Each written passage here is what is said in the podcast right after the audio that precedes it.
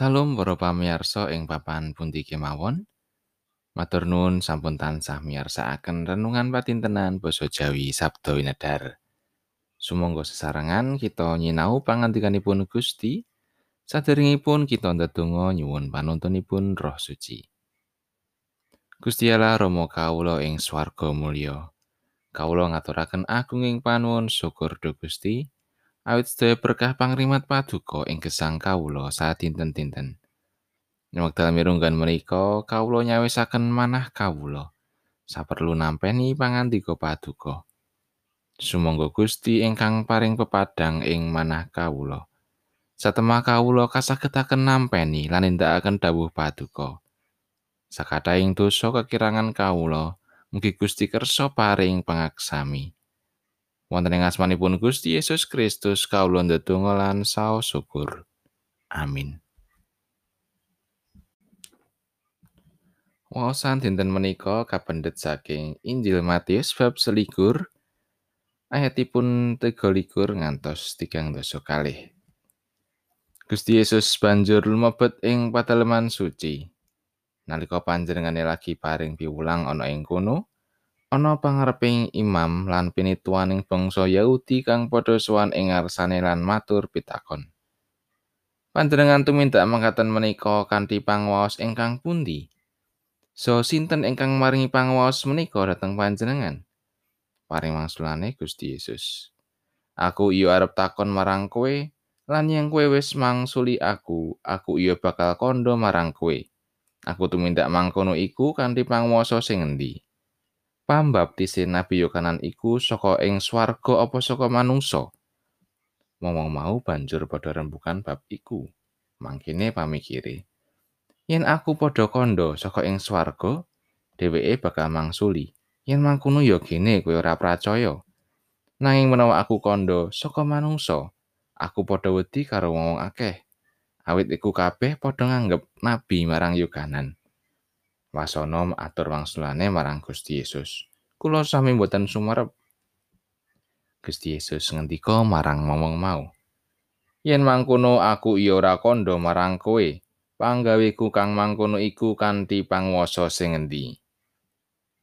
Nanging kepriye panemumu bab iki?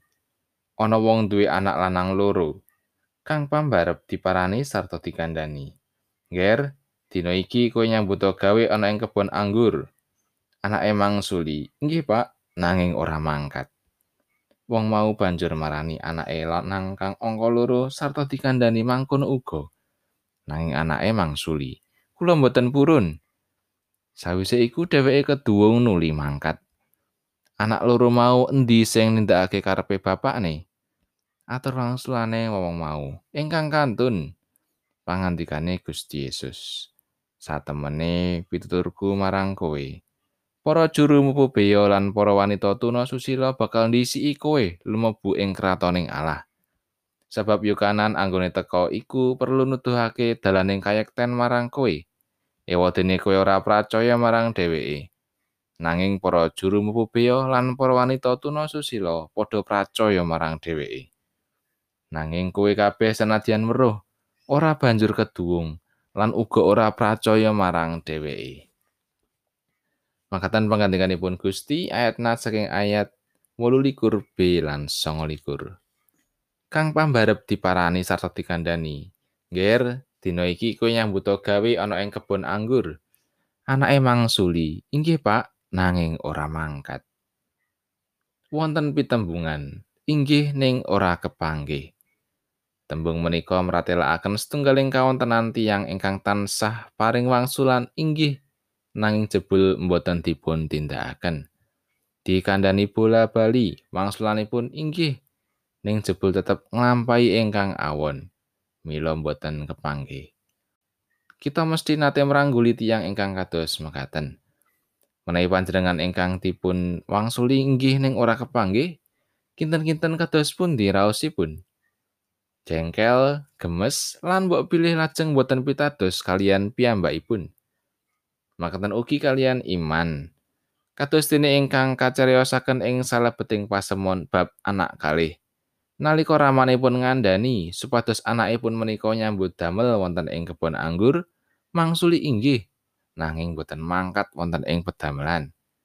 Sinten ingkang nggadahi iman mestinipun boten namung paring wangsulan ing tembung nanging ugi wonten ing tindak tanduk padintenan.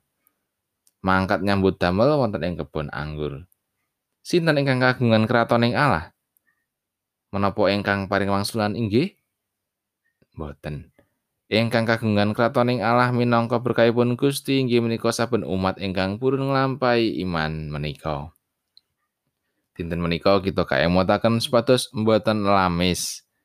Nalika Gusti nimbali kita ing sajroning peladosan, mestinipun kita mangsuli inggih. Samestinipun kita ugi nindakaken timbalan menika sampun ngantos inggih nanging boten kepanggih. Nalika mangsuli inggih Gusti Allah mesti rena ing kalih. Ananging menawi boten katindakaken, tetusaken cuwa penggalihipun Gusti. Sumangga sami sinau lelados dumateng Gusti. kanthi tulus lan tumindak ingkang nyata. Amin. Sabte